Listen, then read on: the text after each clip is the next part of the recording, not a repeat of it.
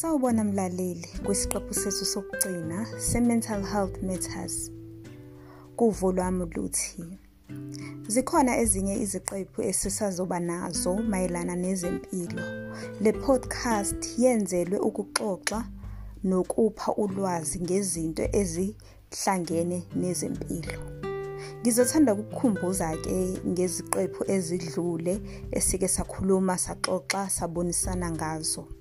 Sike sakhuluma nge-depression, ingcindezi, sakhuluma nge-anxiety, uvalo, sakhuluma nge-clinical depression, obsessive compulsive disorder, postpartum depression, bipolar kanye ne-schizophrenia ebekuyisiqephu sethu sokugcina.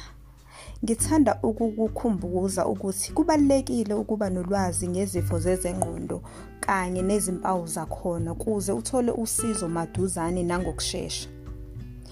Ngizodlulisa nje izimpawu ekumele uzibhekisise kuwena noma uzibheke kubantu osondelene nabo ngazo zonke izikhathi uma kukhona okusolayo okungabaphethe kahle mhlambe mayelana nokwezengqondo noma nokwezempilo nokuyiphatha kwabo uma kukhona ushintsho olukhona.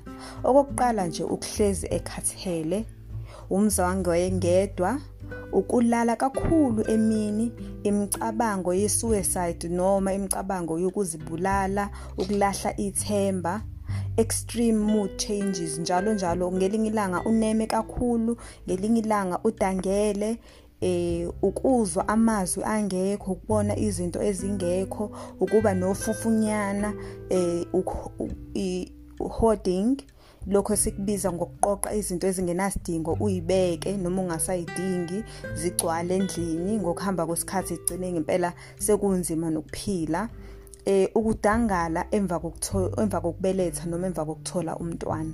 Ezinye zezimpawu lezo kweziningi ezinye impawu ukhumbule futhi umlaleli ukuthi eh koyedwa kwabantu abawu5 osebenza nabo noma obaziyo unenkinga ye-mental health. So kubalekile kungaba wena lowo muntu oyedwa noma kungaba umuntu osondelene naye noma ilunga lomndeni. So kubalekile ukuthi lezi impawu lezi eh zokugula ngengqondo noma ze-mental health sizazi and sikwazi ukuzibona ukuze sikwazi ukuthola usizo.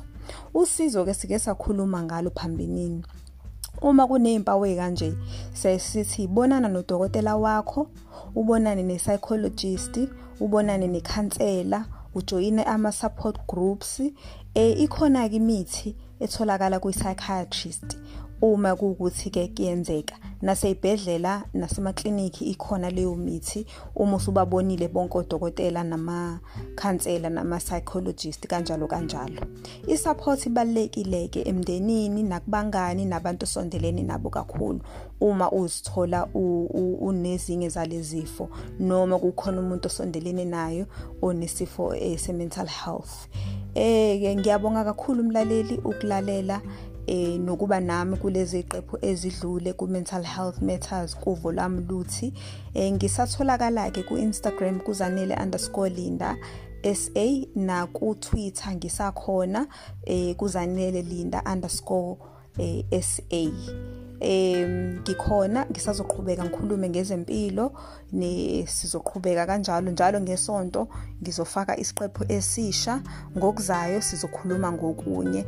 Nawe ke umlaleli ungakwazi ukuthi ungithinte eh ufake imibuzo or ufake mhlambe amanye ama topics esingakhuluma ngawo ngokwezempilo mhlambe o health and beauty eh nezinye nje izinto ezibhekene kakhulukazi nezempilo. Eh usale kahle mlaleli ngibonge kakhulu kulezi qephu zethu ezidlule. Sizoqhubeka ke sesiqala uhla eh olunge seceleni kwezempilo.